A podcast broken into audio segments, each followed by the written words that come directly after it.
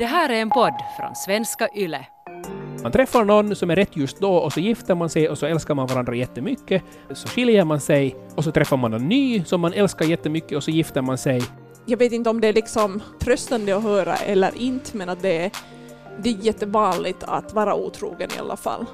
På det sättet är jag ganska traditionell att jag tycker inte att det hör till ett förhållande.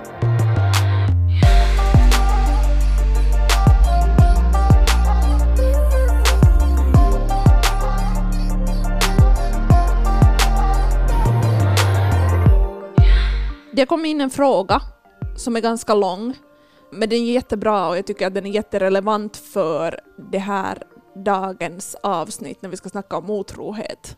Är ni ready? Yes. Låter bra. Hej, jag är en kille på 22 år. Jag och min flickvän har varit tillsammans i cirka fem år.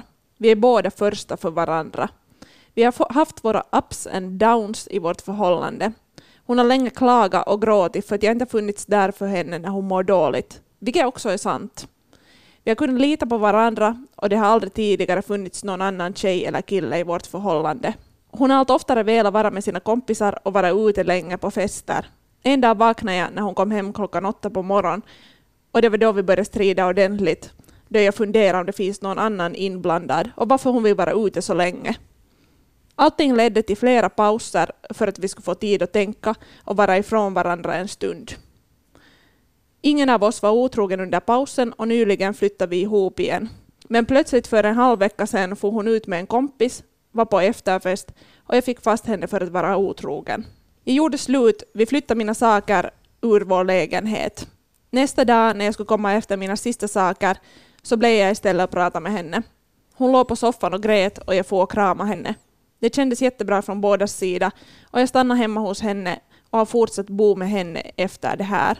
Tror verkligen hon aldrig skulle göra om något sånt igen, men har väldigt svårt att förstå hur hon tänkte när hon gjorde det här. Till hennes försvar säger hon att hon på riktigt inte alls tänkte efter och att hon inte känner igen sig själv mera. Hon har ingen lust att vara ute och festa längre och vill spendera tid med mig och hon skäms för det hon har gjort. Jag vet inte hur jag ska gå tillväga.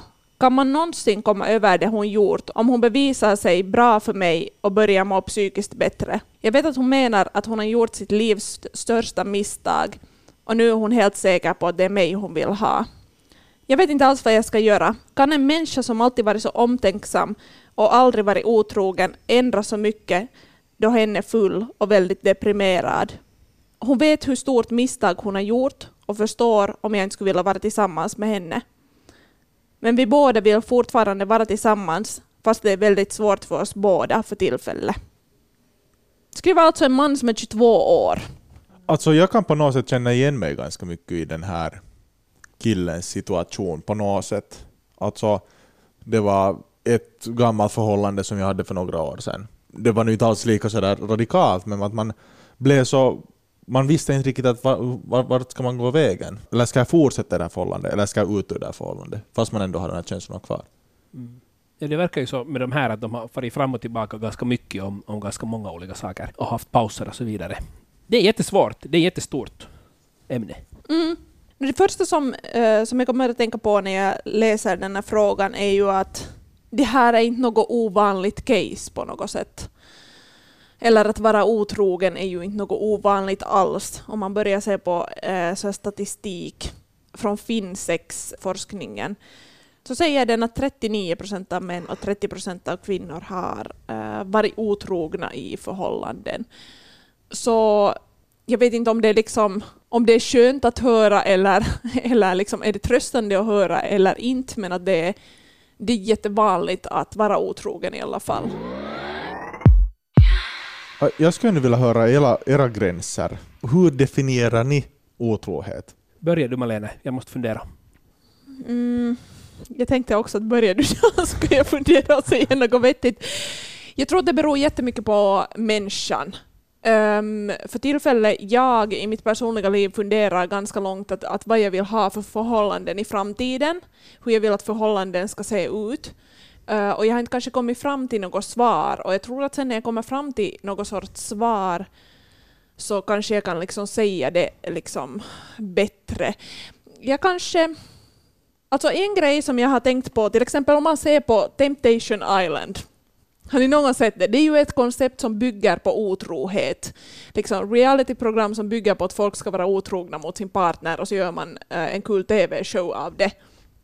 Så när jag tittar på det så är det ju oftast liksom, sen när de börjar eh, sekoila där på, på liksom andra sidan med de där singlarna så handlar det om just att, att de, är, de är nakna och de har sex och de liksom hånglar upp varandra och de petar på varandras kroppar och så blir de där partnerserna där på andra sidan jättearga och ledsna för att det bryter deras regler. Men alltså den värsta saken som jag tycker eh, att om jag tänker att jag skulle vara i ett förhållande, så det värsta för mig skulle kanske vara att den äh, andra skulle spuna med någon annan. Liksom äh, hålla någon annan nära, paja den, liksom någon så här mer liksom emotionell beröring. Inte liksom det där sex eller hånglande eller liksom annat potande, men att liksom kanske sova tillsammans eller något sånt. Att äh, i, ett, i något sorts förhållande så vill jag ändå vara den uh, som man håller nära och som är liksom på något vis sådär ja, liksom ger sådana öm beröring, kanske det tänker jag, att något, något sånt, att om jag ska säga något helt jättekonkret mm. så det. Men, men alltså tycker du att, att det skulle vara värre att en person, då din pojkvän, skulle spuna med någon än att ha sex med den personen? Ja. Alltså det men, sen, men om ni har haft sex, eller de har haft sex, så om han sen skulle bli kvar och sova? Nej, det, det, vara, det, skulle inte vara OK för mig. Det skulle inte vara OK för mig, för jag, liksom, jag tycker att det är en helt liksom, skild, eller för mig personligen så är det en helt skild grej det där att, att ha sex. Uh, ja, det är, en, ja, det är en skild grej än att på något vis sådär, jag vet inte hur jag ska förklara det, men det känns sådär som att um, just sova och paja och spuna handlar mer om något sådant jag vet inte. Det här är så flummigt. Hjälp mig Dan. Får du tag i min tanke? Nu tar jag tag i din tanke. Jag vet exakt. Ja. För vi har, vi har, det är precis så som, som jag tänker också, eller som vi tänker i vårt förhållande. Så här. Sex kan man ha av väldigt många olika orsaker. Man kan vara jävligt kåt. Ja. Och man kan, vet du, det kan vara en kul grej att ha sex. Kulla. Och man kan ha det för att man är, är bakfull och man kan ha det av många olika orsaker. Det behöver inte vara kärlek och ömhetskänslor som ligger bakom det. Men att ge extrem närhet åt någon annan, alltså att länge ligga och paja den och, och, bara ge den här närheten och tryggheten åt den. Så det finns ganska få orsaker till att göra det, utan det är ett tecken på kärlek, tycker jag, och på att, att du och jag och det är vi och vi är tillsammans. Så därför, så vi har exakt samma hos oss. Vi har ett relativt öppet förhållande. För mig är det viktigt att vi pratar om allting. Så att jag kan säga att otrohet, någonting, om jag om jag gör någonting som jag känner att jag hoppas att min sambo inte får reda på det här, då är det otrohet. Mm. Jag tänker hålla käften hela resten av podden för jag behöver inte säga någonting mer. Här var det, liksom, det var det jag försökte säga men jag får inte liksom ord på det.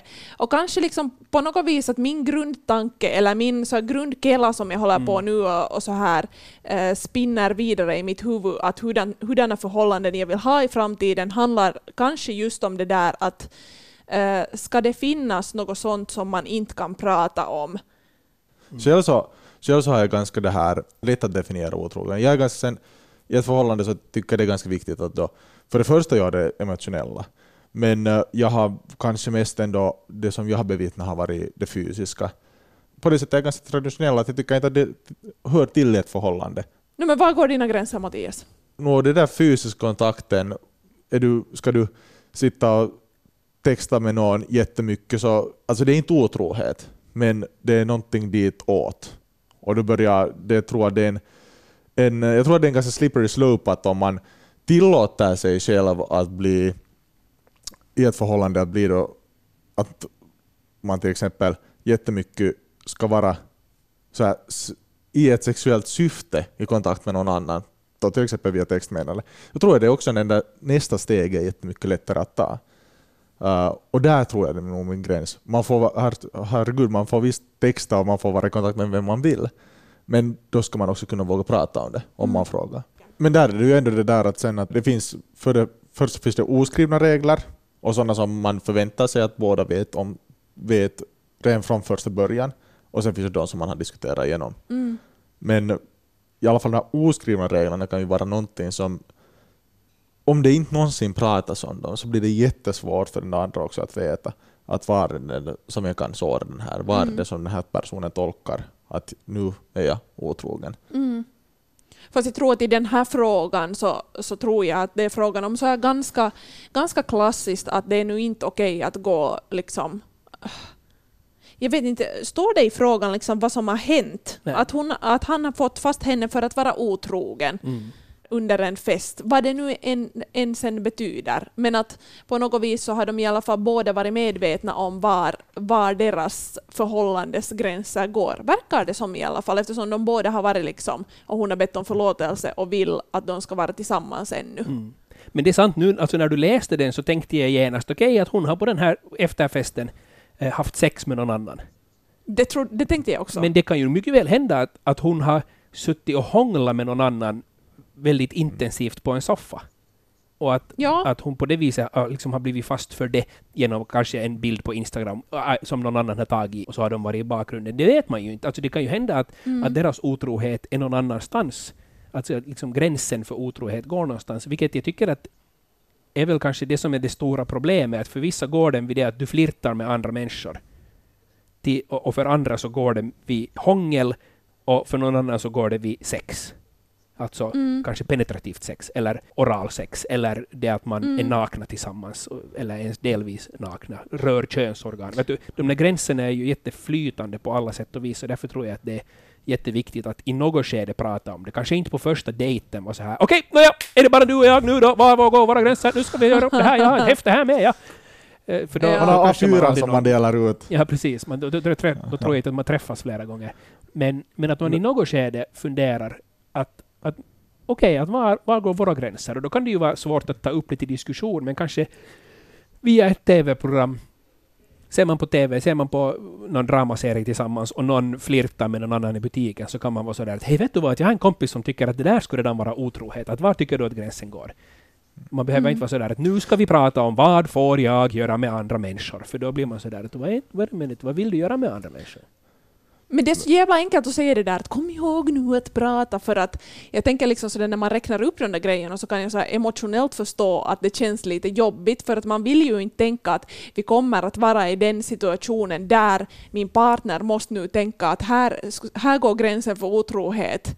Liksom att man vill ju inte Uh, om man nu tänker så här väldigt just så här tvåsamhet och så vidare så vill man ju inte tänka den där tanken att, att ens partner skulle vara på den där festen och hångla, eh, hångla upp den där människan. Och det måste man ju lite tänka genom att ha den där diskussionen. Så jag tror det därför liksom blir det där att man bara liksom tänker att det där förhållandet ska på något sätt flyta, flyta framåt och båda förstår varandra utan att man har pratat.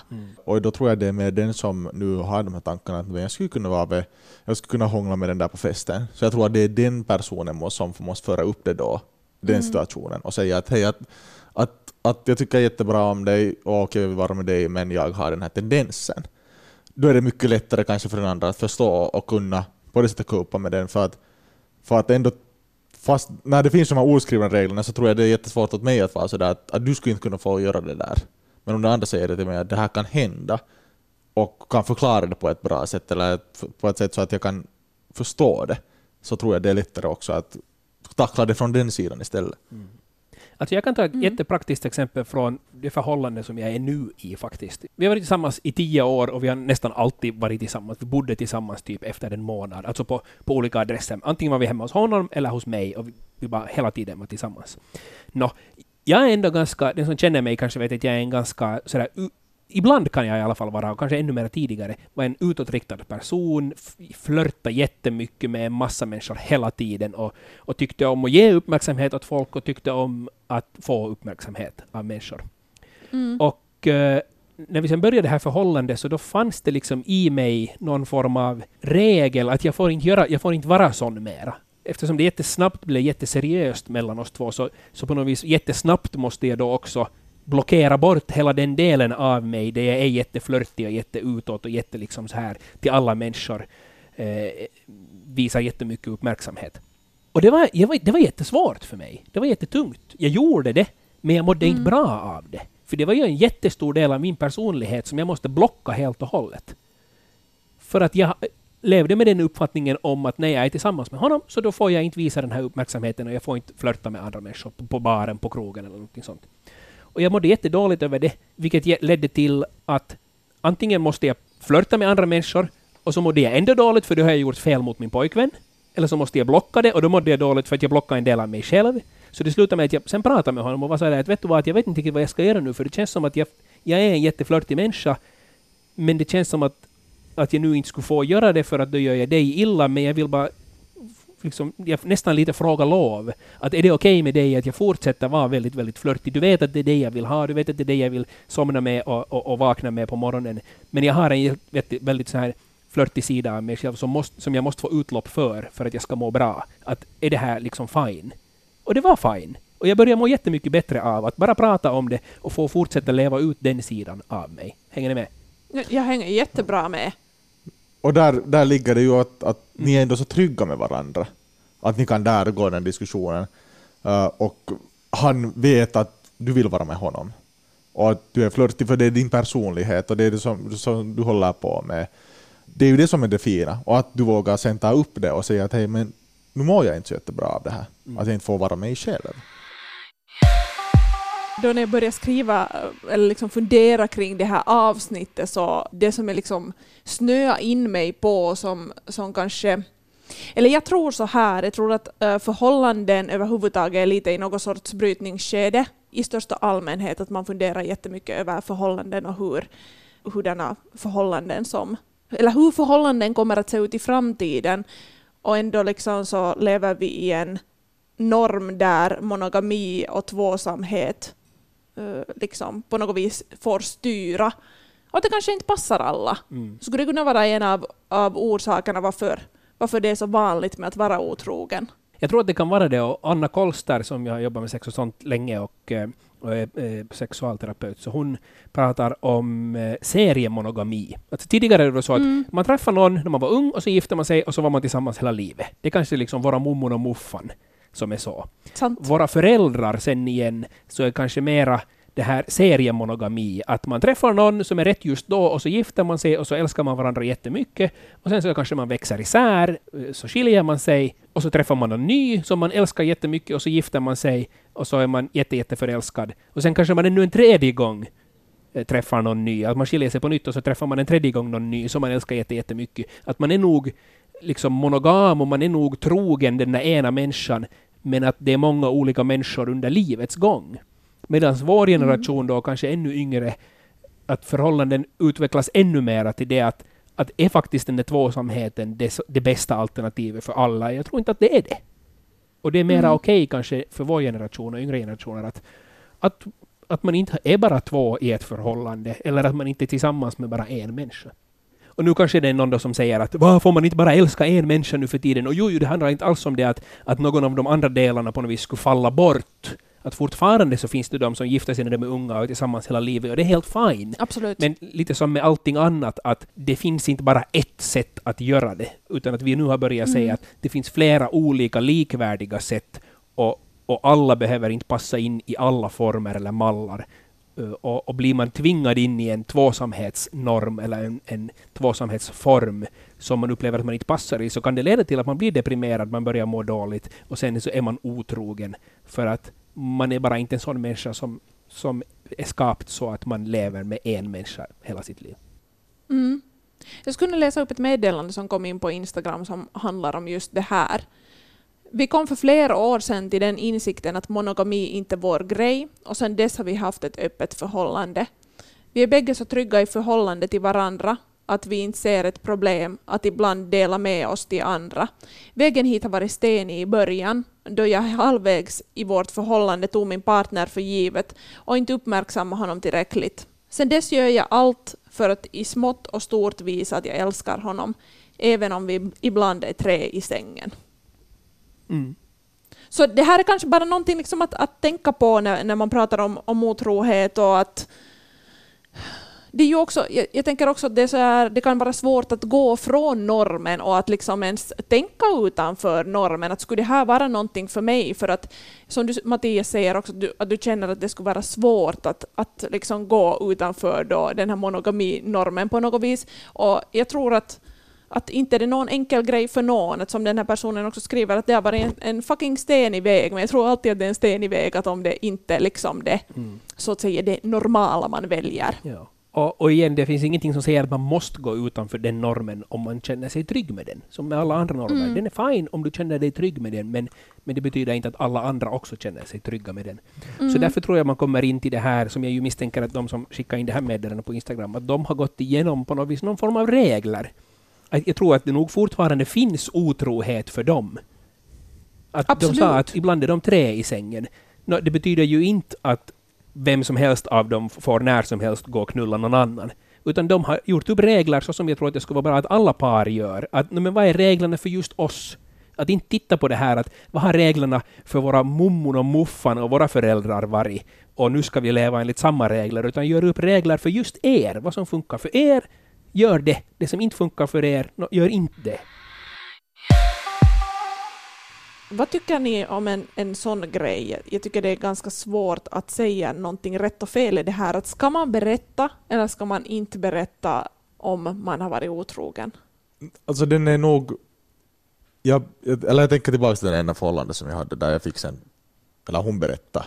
Och, eh, och efter det så får hela vårt förhållande till kras. Och eh, det, sen tog det tre månader och, och så där och sen så bestämde jag att jag klarar inte av det här mer. Och det, det satt nog mig i en situation som var, eller då, då, då tappade jag det sådär. För förhållande sett så fattade jag att okej men nu är det på väg till en slutpunkt. Uh, sen så det överlag så tror jag nog att men det, är, det, är, alltså det är en så, så, så svår fråga. Såklart beror på vad ni har gjort. Uh, beror på, jag tror att det är mycket värre att man får höra det från en tredje part.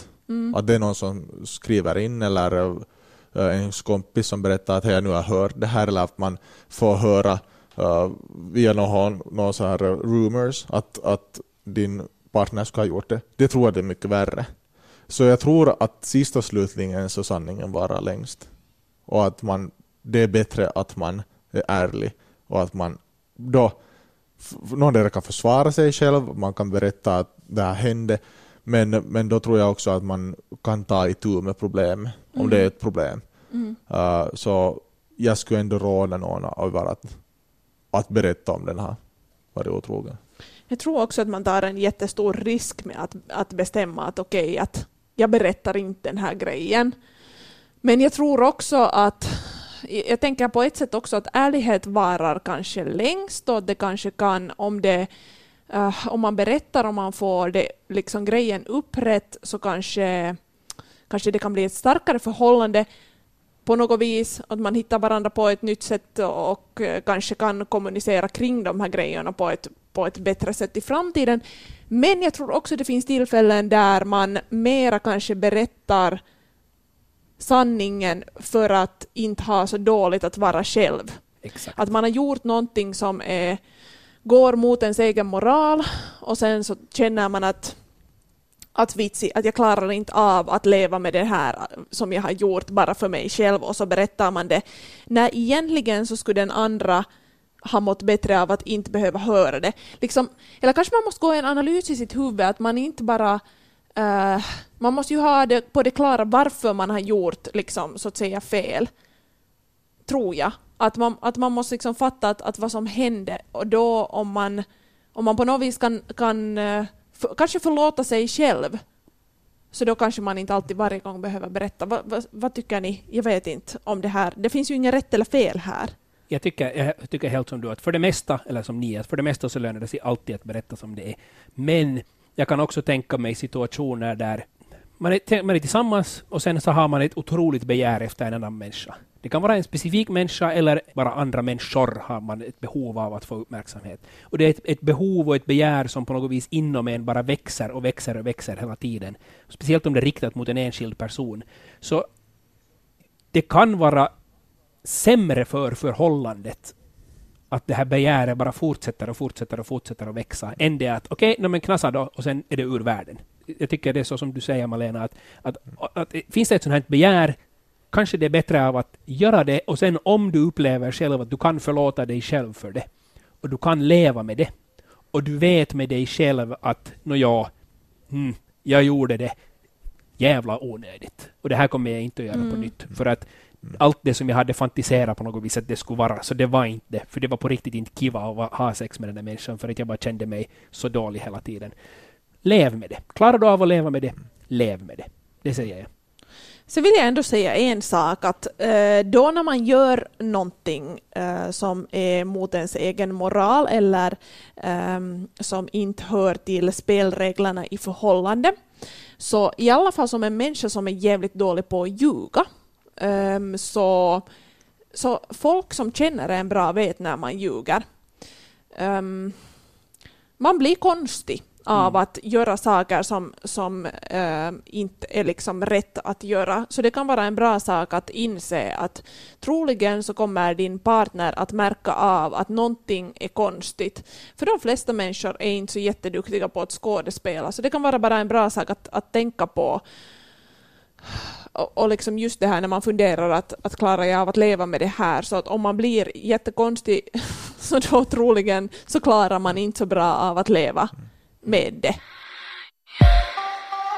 Jag går tillbaka till den här frågan som vi läste upp i början och läser slutet av den och så kan vi lite fundera nu att, att vad vi ska ge för råd på vägen åt den här personen som har skrivit oss. Kan man någonsin komma över det hon gjort om hon bevisar sig bra för mig och börjar må bättre psykiskt?